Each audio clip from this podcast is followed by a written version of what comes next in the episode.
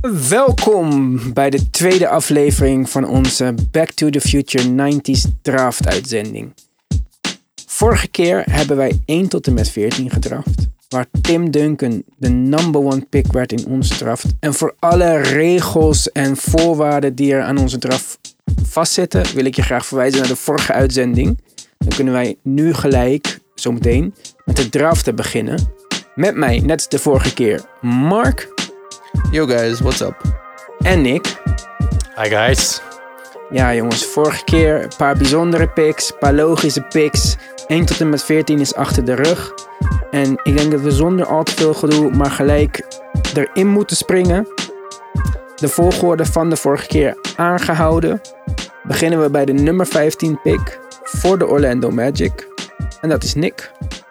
Yes, mag gelijk beginnen. Ehm, ja, de Orlando Magic is een ploeg die in mijn ogen al eh, genoeg rim protectors hebben. Ze hebben Isaac, ze hebben Mobamba. Dus die spot zou ik niet, eh, niet meteen vullen. Ze hebben ook uh, Markel Fultz als een, eh, ja, een onzelfzuchtige playmaker. Vucevic die, eh, die ook een scorende rol op zich kan nemen. Maar eh, ik heb gekozen voor een eh, hele atletische forward. Die in mijn ogen wel in dit rijtje past. Hij heeft er ook ooit gespeeld. En dat is Vince Carter. Oké, Goeie Ja. koos. verrassend. Ja, nou ja, eh, ik vind hem wel eh, erbij passen. Ja. Op, Op welke positie zie je hem? Ah, in de moderne NBA is hij wel een drie. Zou zelfs in principe op de vier. Maar in dit geval denk ik dat ik hem op de drie positie zou gebruiken. In plaats van Ja. Isaac. Ja, of naast Ice. Ja, op zich kan er wel geschoven worden. Ik denk gewoon de eh, kan het ook wel Markel Fultz, Isaac en Carter. En dan nog Vucevic en Bamba bijvoorbeeld. En Aaron Gordon. En Aaron Gordon, ja. Dus inderdaad. Dan, eh, Hij gaat ergens op doing staan gewoon. Ja, ja, ja. Oké, goed. Mark, opmerkingen, klachten? Of eh, denk je gewoon prima? Ja, dus we're going to Disney World, hè? Vince Carter, flying high. Ja, hopelijk kan hij, eh, kan hij iets toevoegen aan de Magic en een beetje meer eh, energie brengen naar een franchise die best lang niet zoveel energie heeft gehad sinds Superman. Helaas. ja, Superman 2. Superman zei, oké, ja. Nou goed, laten we dan maar gelijk verder gaan met jouw pick. Dat is de zestiende pick. De Minnesota Timberwolves via de Nets. Ja. Vertel Kijk. ons wat jij besloten hebt. We hebben al een hele goede opkomende speler of ster, denken we, in Tracy McGrady gedraft. En om ons eh, frontcourt weer sterker te maken en een beetje iemand die we denken echt kan meteen iets toevoegen, die ook een ster kan worden en ons hele wing, eh, wing, wing team kan verbeteren. Ik denk, eh het is een no-brainer. Wij gaan voor Paul Pierce. Wij denken, Paul hij zal Pierce. perfect passen in onze team. We hebben nu twee lange wings. Tracy McGrady kan misschien als hij een beetje groeit en zijn eh, spieren, ja, als hij gewoon in zijn lichaam uitbuit, heb je dan eh, iemand die 2, 3 en 4 misschien kan spelen, eh, hopen we. Dan heb je ook Paul Pierce, die 3 en 4 kan spelen. En ze hebben allemaal, well, tenminste Paul Pierce heeft wel bewezen in zijn college carrière dat hij wel grote schots kan maken. En we hebben wel een killer en iemand die gewoon maakt naar wat het moment is. Hij kan de schot maken en, en hij, kan het creëren en maken. En wij denken hij is perfect om Tracy McGrady ook te helpen met eh volwassener worden. En eh, oh, hij past goed in onze timeline met Cat en eh, D'Angelo Russell. Ja, Paul Pierce, vaak onderwerp van discussie in onze groepschat. Nick, Paul Ja. Pierce bij de Timberwolves. Op zich een goede keuze. Ja, vooral iemand die, eh, die big shots kan maken. Heeft hij inderdaad laten zien in eh, college carrière. Ik eh, dacht eerlijk gezegd, Mark, dat je iemand anders ging kiezen. Maar eh, nee, verrassende ik ook, keuze. ja. ja, ja, ja. Caught me off guard. Gaan we door met de volgende pick. Via de Grizzlies bij de Celtics terechtgekomen.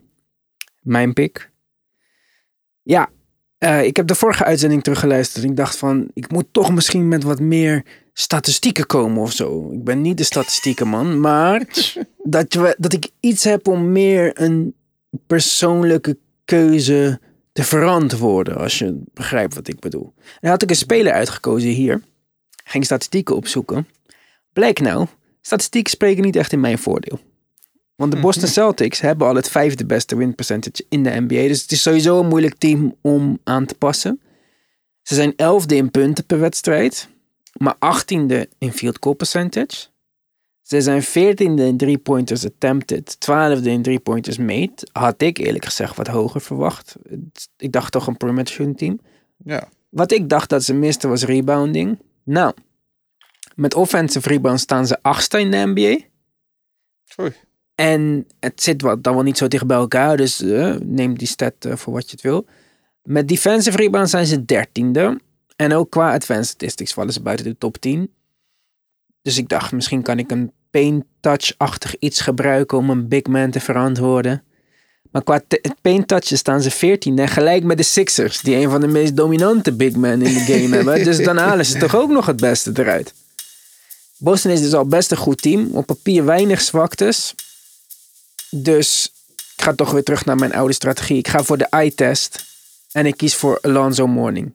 Lengte, kracht, shotblokker, scorer in de paints. Hun defense zal met hem echt elite, elite worden. Een extra inside presence. Sterke scorer aan de andere kant. Eh field goal percentage zal omhoog gaan met hem. En, ja, sowieso een upgrade over Thijs. Perfecte aanvulling voor een team stacked met perimeterspelers. Ja, helemaal mee eens inderdaad. Je hebt een, eh, een team die allemaal bijna kunnen, kunnen schieten en eh, bewegen rond de perimeter. Als je dan iemand hebt die gewoon kan dreigen van binnenuit, wat ze tot nu toe niet hadden, dan eh, zal Brad Stevens daar ook een raad mee weten. Dus eh, nee, zeker een sterke keuze. Ja, behalve dat- shooting, upgrade over Horford zelfs. Ja, ja, ja inderdaad. Ehm, ja, het team was al eh, onwaarschijnlijk sterk en eh, met eh, hem erbij wordt het bijna unfair, om het zo te zeggen. Je zag in zijn college carrière, hij heeft, eh, hij heeft wel wat, hè? Meer dan de meeste spelers. Hij, kan het wel pit, doen. ja. Hij heeft bewijzen en hij is pittig. En dat heeft de, daar, met Marcus Smart en eh, Alonso denk je wel meer pittigheid krijgt in het team. En dat is altijd belangrijk. Goed, ik ben blij dat jullie het met me eens zijn. En dan kunnen we weer door naar de volgende pick. 18e, Mavericks, eigen pick, Nick. Ja, wie Maverick zegt, die denkt gelijk aan eh, Mark Cuban. Ehm, jij had het over eh, advanced statistics. Ik ga precies het tegenovergestelde doen. En ik ga het zo ver mogelijk uitzoomen en heel simpel houden. Mark Cuban die heeft wel een verleden en eh, met blanke Europese big guys, shooters, spelers gewoon in het algemeen. Ehm, ze hebben Luka Doncic, ze hebben Kristaps Porzingis.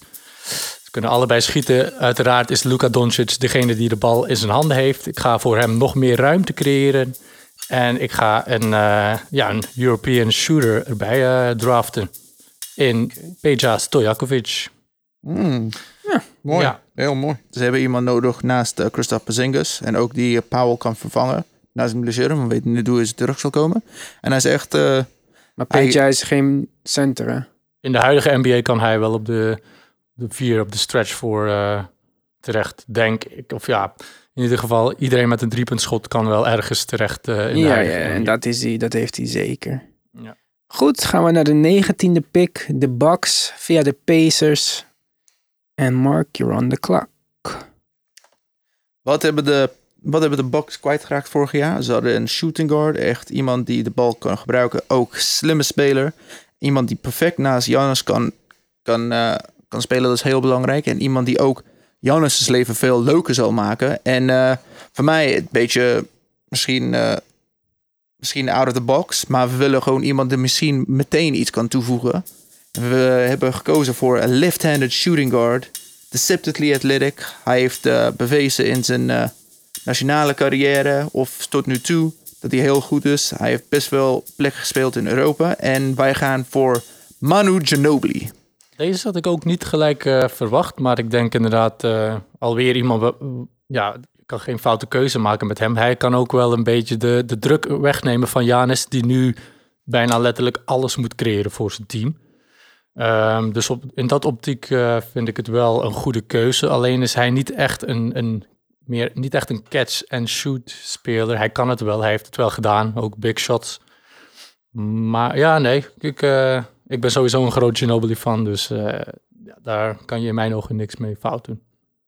Ik ook Ginobili fan, maar de speler waar je over sprak, Brogdon, toch meer een speler die off-bal kan spelen en on-bal kan verdedigen. Mhm. Dat zie ik bij Ginobili niet echt.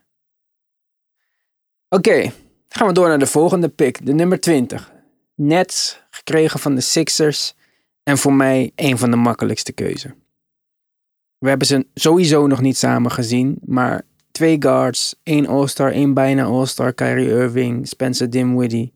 Two-way speler met potentie in Caris LeVert. We hebben shooting in Joe Harris. We hebben Dorian Prince op een leuk contract. Twee centers met DeAndre Jordan en eh, Allen.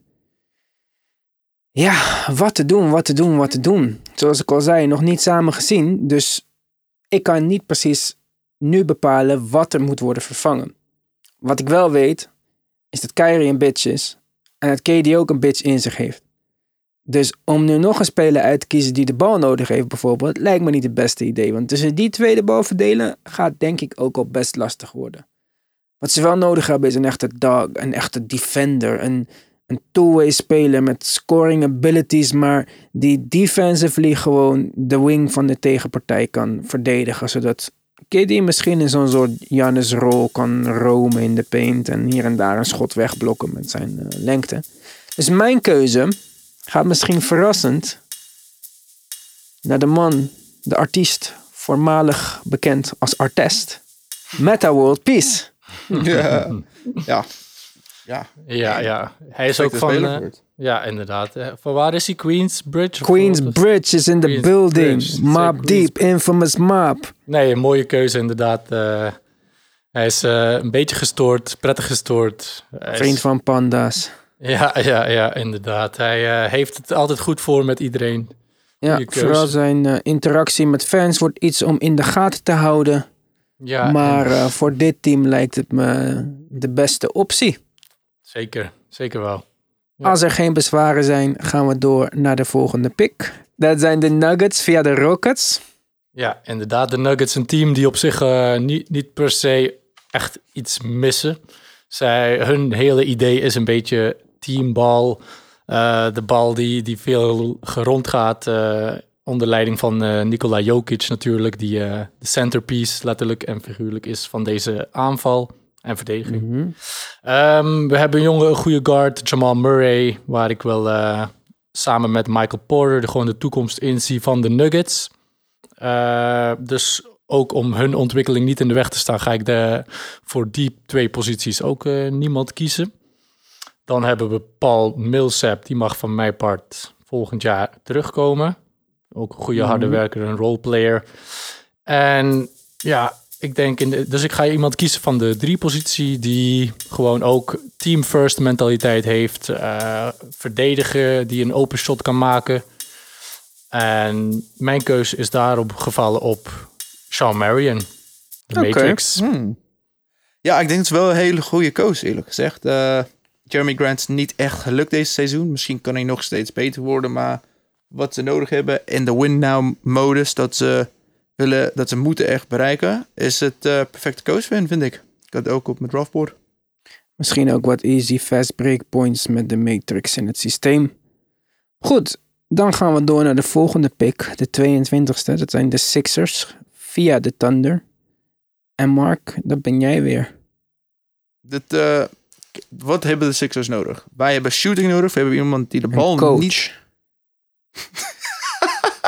We hebben ook een GM nodig. President of Basketball Operations. Misschien een paar nieuwe eigenaars. En eh, verhoging van ons salaris. Maar daar gaan we het niet over hebben. Ja. We hebben uiteindelijk... JJ Redick zou het perfecte speler zijn. En om hem echt te kunnen vervangen deze seizoen... Wat eh, hebben we een driepuntshooter nodig? Iemand die goed kan rennen, kan nog steeds verdedigen. Dat is ook handig. En als Mhm. Bill Simmons, Ben Simmons niet kan spelen, dat hij wel de bal kan gebruiken. Maar het is niet per se iets heel belangrijk voor ons. En eh, uiteindelijk, ik dacht, we hebben Jason Terry nodig.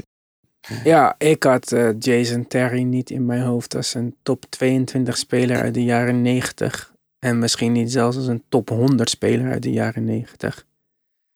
Maar eh, Ja, nee, Ja. ik heb het een beetje anders bekeken. Ik heb ze per positie gewoon alle, alle roleplayers. Ja, je moet toch ook bepaalde, bepaalde specialisten, zeg maar, eh, kunnen aanvullen. En bijvoorbeeld bij de Sixers, ja, 3D is nu eenmaal eh, een rol. Da- daarom gaat hij niet in de top 30 beste spelers zitten in totaal. Maar ja, zijn eh, specialiteiten maken hem wel erg nuttig.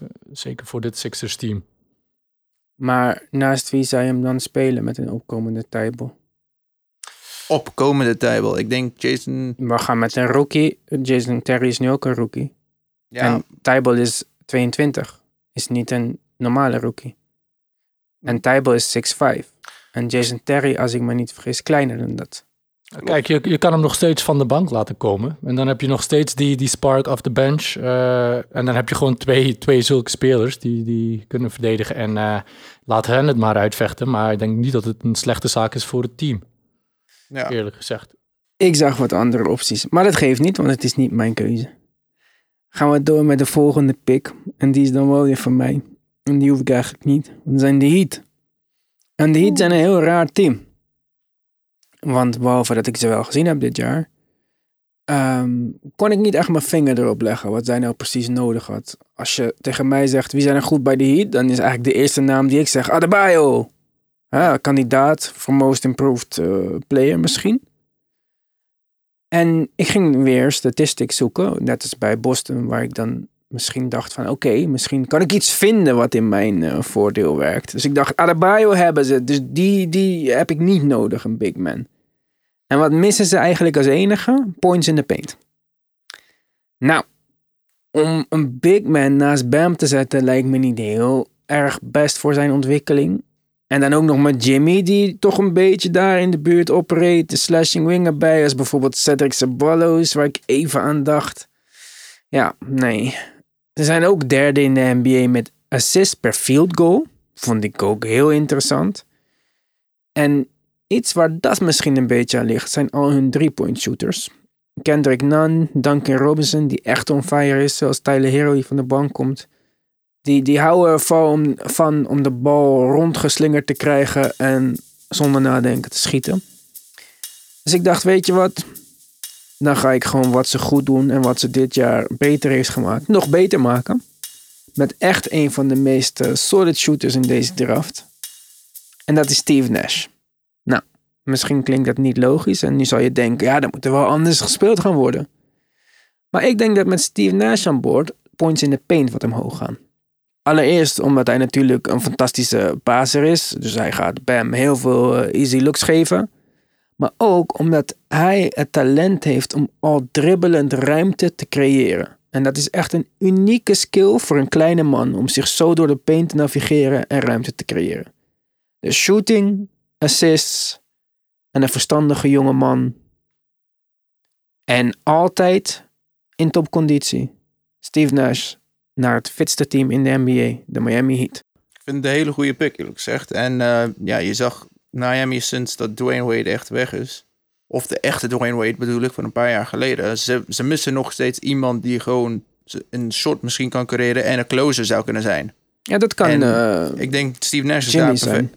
Maar Jimmy, ik, je ziet hij heeft het wel, het wordt wat minder. Hè? Dus ik denk het is goed dat je iemand al inbrengt die het misschien in de toekomst kan doen. En ook misschien meteen kan iets toevoegen aan jullie team. En ik denk Steve Nash is de perfecte speler voor dat. Goed, gaan we verder met de Jazz. Die eh 24ste pick voor Nick. Oké, dus eh, de Utah Jazz. Ik eh, had iemand helemaal anders voorbereid, maar eh, Mark die ging eh, mijn keuzes jatten. Maar that's part of the game, denk ik dan. Ehm, bij de Jazz hebben we twee, eh, ja, de twee core pieces zijn eh, in mijn ogen eh, Donovan Mitchell en Rudy Gobert.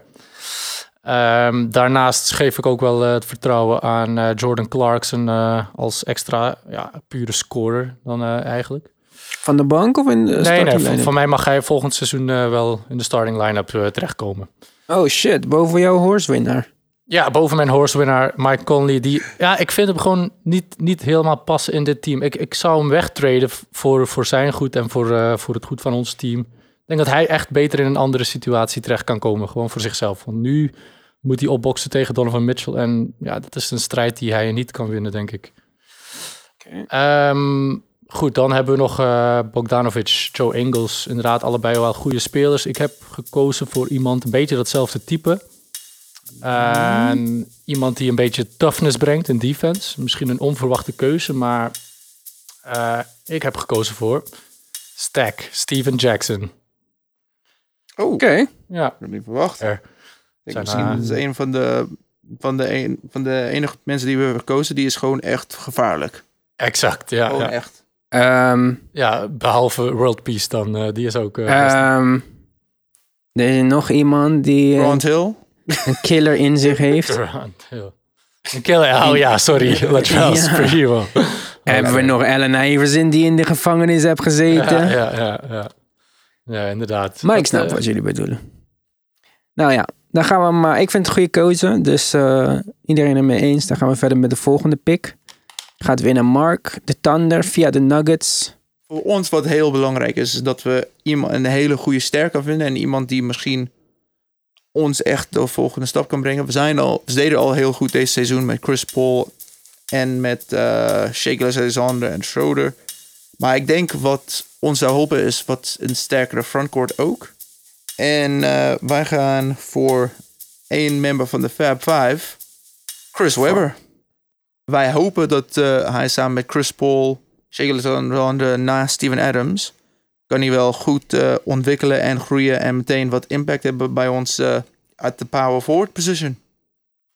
Ja, Ja, totaal niet mee eens. nou, ik, ben, ik, ja, ik, ik zou ook Webber niet kiezen, maar ik eh, begrijp wel wat je wil zeggen. Nou, ik begrijp je redenering. Ik eh, ben het er wel eh, grotendeels mee Mm. eens.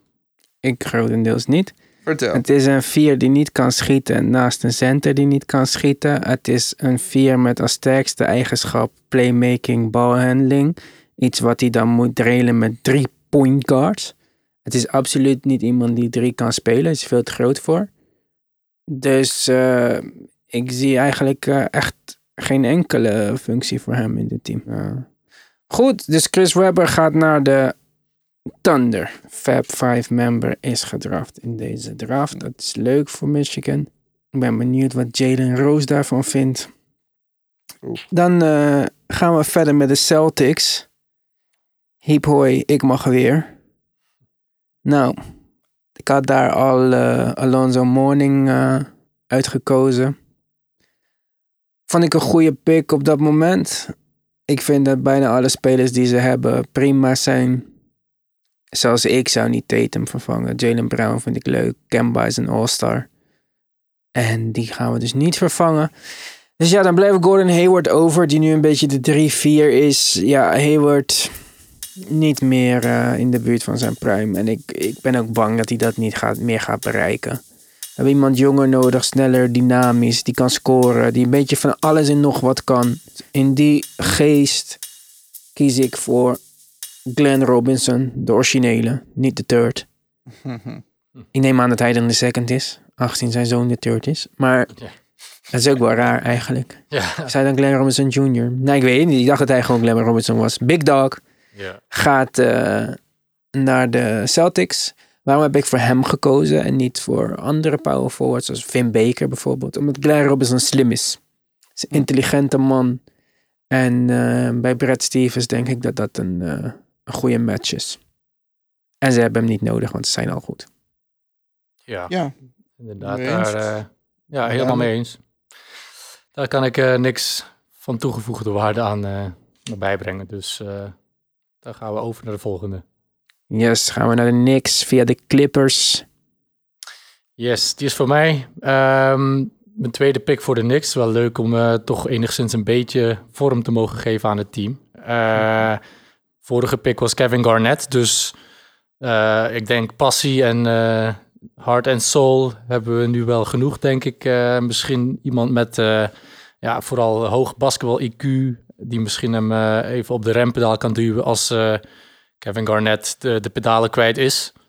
Ehm, ik denk wel dat het Ja. belangrijk is om een point guard te kiezen in deze, met dit eh, idee in het achterhoofd. Iemand die ook eh, ja, een pick-and-roll partner, die toch ook goed kan verdedigen en goed kan schieten. En eh, ja, in die optiek heb ik gekozen voor Mr. Big Shot, Chauncey Billups. Geen, ja, geen horse kampioen, jammer genoeg dit, dit jaar. maar ja, wie weet eh, bij de New York Knicks denk ik wel dat het een, eh, ja, een killer one-two punch kan zijn met eh, KG. En New York heeft een point guard die heel hoog kan springen. Ze hebben er eentje die heel goed kan verdedigen. Ze hebben nog een paar andere mensen die iets poging doen om de bal te verdelen. En het lukt allemaal maar niet en is een complete speler. Dus why, ja, why not? Toronto Raptors, de 28e pick. Mark, wat ga je Mbasai adviseren? Kijk, we hebben een hele goede team al. Maar wat missen we? We hebben iemand die 2 en 3's kan verdedigen. Ik dacht, we hebben iemand die meteen kan schieten. Die kan goed verdedigen. En eh, veel beter dan eh, de meeste mensen denken. En iemand die makkelijk 20, 20 punten zou kunnen scoren voor ons. Gewoon zonder de bal te veel te kunnen aanraken. En voor mij was dit redelijk makkelijk. Ik dacht meteen aan Rip Hamilton. Hoe is zijn shooting? Hoe is zijn shooting? Shooting shooting is, is eh, eh, best goed. Daar is best wel wat goed. om dat beter kan worden. Maar hij is heel consistent van de drie. En ik, eerlijk, eerlijk is eerlijk. Ik denk, eh, misschien wordt hij al een van onze beste schutters. Shooting is, eh, is best goed. Defensively ook zeker. Dus eh, ja, ik vind het goed, eh, een goede match. Gaan we door met de volgende. Het zijn de Lakers. Valt weer in mijn schoot. Ja, Lakers. LeBron zegt al jaren dat hij eh, wil spelen met een echte balhandler. Ja, dat eh, zijn leuke woorden, maar eh, Rondo is dat uit, uiteraard niet geworden. Want Rondo zit zo diep in een dal dat hij bijna niet meer eens weet dat hij op een berg geweest is. Playmaking in handen van Anthony Davis lukte niet. Dus het is nog steeds eh, LeBron, LeBron, LeBron. Anthony Davis eh, gaan we niet vervangen, zelfs eh, niet als Iwan de GM is. LeBron ook niet. Wat hebben ze voor de rest? Nou, wat mij betreft is voor de rest iedereen vervangbaar. Dan zou ik nog als laatste niet vervangbare misschien Danny Green daaraan toevoegen, die ook niet een al te best jaar heeft gehad. Maar ja, het is wel een two, eh, van een two-way speler, een 3D guy. En LeBron was small forward spelen. Anthony Davis. eh, Wauw, ja, heel ingewikkeld allemaal. Dus in ieder geval, ze hebben een point guard nodig. Ze hebben een point guard nodig die kan verdedigen. Eh, die misschien met wat steals een paar fast breakers eh, kan veroorzaken. En wat makkelijke punten op het bord kan brengen. Want de Lakers hebben wel eh, moeite met, eh, met creëren. Zonder LeBron. Dus we gaan voor een hele goede reboundende, passende, stealsmakende, verdedigende, schietende, atletische, grote Oké, ja. Nu de, ik weet het, denk ik. Zeg maar. point guard. Ja. Baron Davis. Ja, ja, ja, ja. Dat vind ik een mooie keuze. Hij is ook zelf van Los Angeles. Hij, Dat wist ik niet eens. ja, hij past wel binnen die, die Showtime, eh, Showtime Lakers, die- die nu toch een beetje ja, gereïncarneerd Ja. zijn. De oorspronkelijke beard. Ja, inderdaad, inderdaad. Iemand die gerust eh, de bal kan delen met iedereen. Eh, toch ook wel een winnaar in mijn ogen. De original Beard, ja, inderdaad. Ja, B. Diddy, Boom Dizzle. ja, ja. Nee, inderdaad. Eh goede keuze. Ik denk dat er, ja, zelfs als je een hogere pick had, denk ik dat dit nog steeds eh, ja, een van de beste keuzes had geweest. Dat brengt ons bij de laatste pick ja, van onze mooie 90s eh, draft. Het zijn de Celtics via Ja, de Bucks. ja eh, we moeten alweer iemand kiezen. Het is echt een, eh, een luxe probleem om eh, te moeten blijven draften voor dit team dat echt al, al alles heeft. Ja, zich, het is nu Kemba, Jalen Tatum, Glenn Robinson en Alonzo Mourning. Dus ik zou echt kiezen voor een, een specialist die gewoon in de, in de playoffs of misschien in belangrijke momenten gewoon je in de hoek kan zetten en de floor kan spacen. Dus echt een pure shooter. Eh, deze man houdt ook van een, eh, van een eh, lekkere barbecue. Zijn naam Grill Daddy. is de Grill Daddy, Dennis 3D Scott. Ik dacht altijd dat hij een soort van shooting guard was of zo. Hmm. Maar hij is Ja. 6'8. Dus in deze NBA eh, kan hij 3-4 zeker spelen. 6'8. Oeh, Ja. Ik had hem 6'6 ingeschat. Oké, ja, zit ik er precies. wel, dat, eh, dat, dat dacht ik ook. ja. Goed jongens.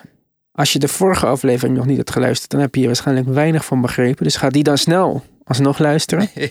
Wij hopen dat jullie het leuk vonden. Als jullie een andere mening hebben over de spelers die wij hebben gedraft, of de positie waarop wij ze hebben gedraft, laat dan even een bericht achter op onze Instagram. Dat kan Mark.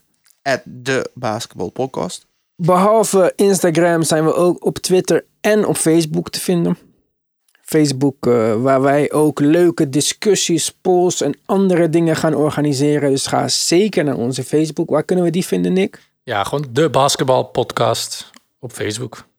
Oké, nou dat lijkt me wel Haal- simpel. eh, haalbaar, ja, inderdaad. haalbaar. En op Twitter zijn we @thebasket om het maar lekker verwarrend te maken. Maar daar mochten we niet meer karakters gebruiken. De basket. Ja, nee. Mooi. Goed, als je een van die drie in de gaten houdt, dan ben jij zelfs zonder deze podcast op de hoogte van het feit dat er vrijdag weer een nieuwe DBP Live aflevering komt. We gaan jullie in de stemming brengen om ook dit eh quarantaine weekend eh, met een lach en een eh, feestgevoel te beginnen. Ja, goed jongens, voor vandaag was het dan. Tot de volgende keer. Bedankt voor het luisteren. Adios. Later guys. Ciao, guys.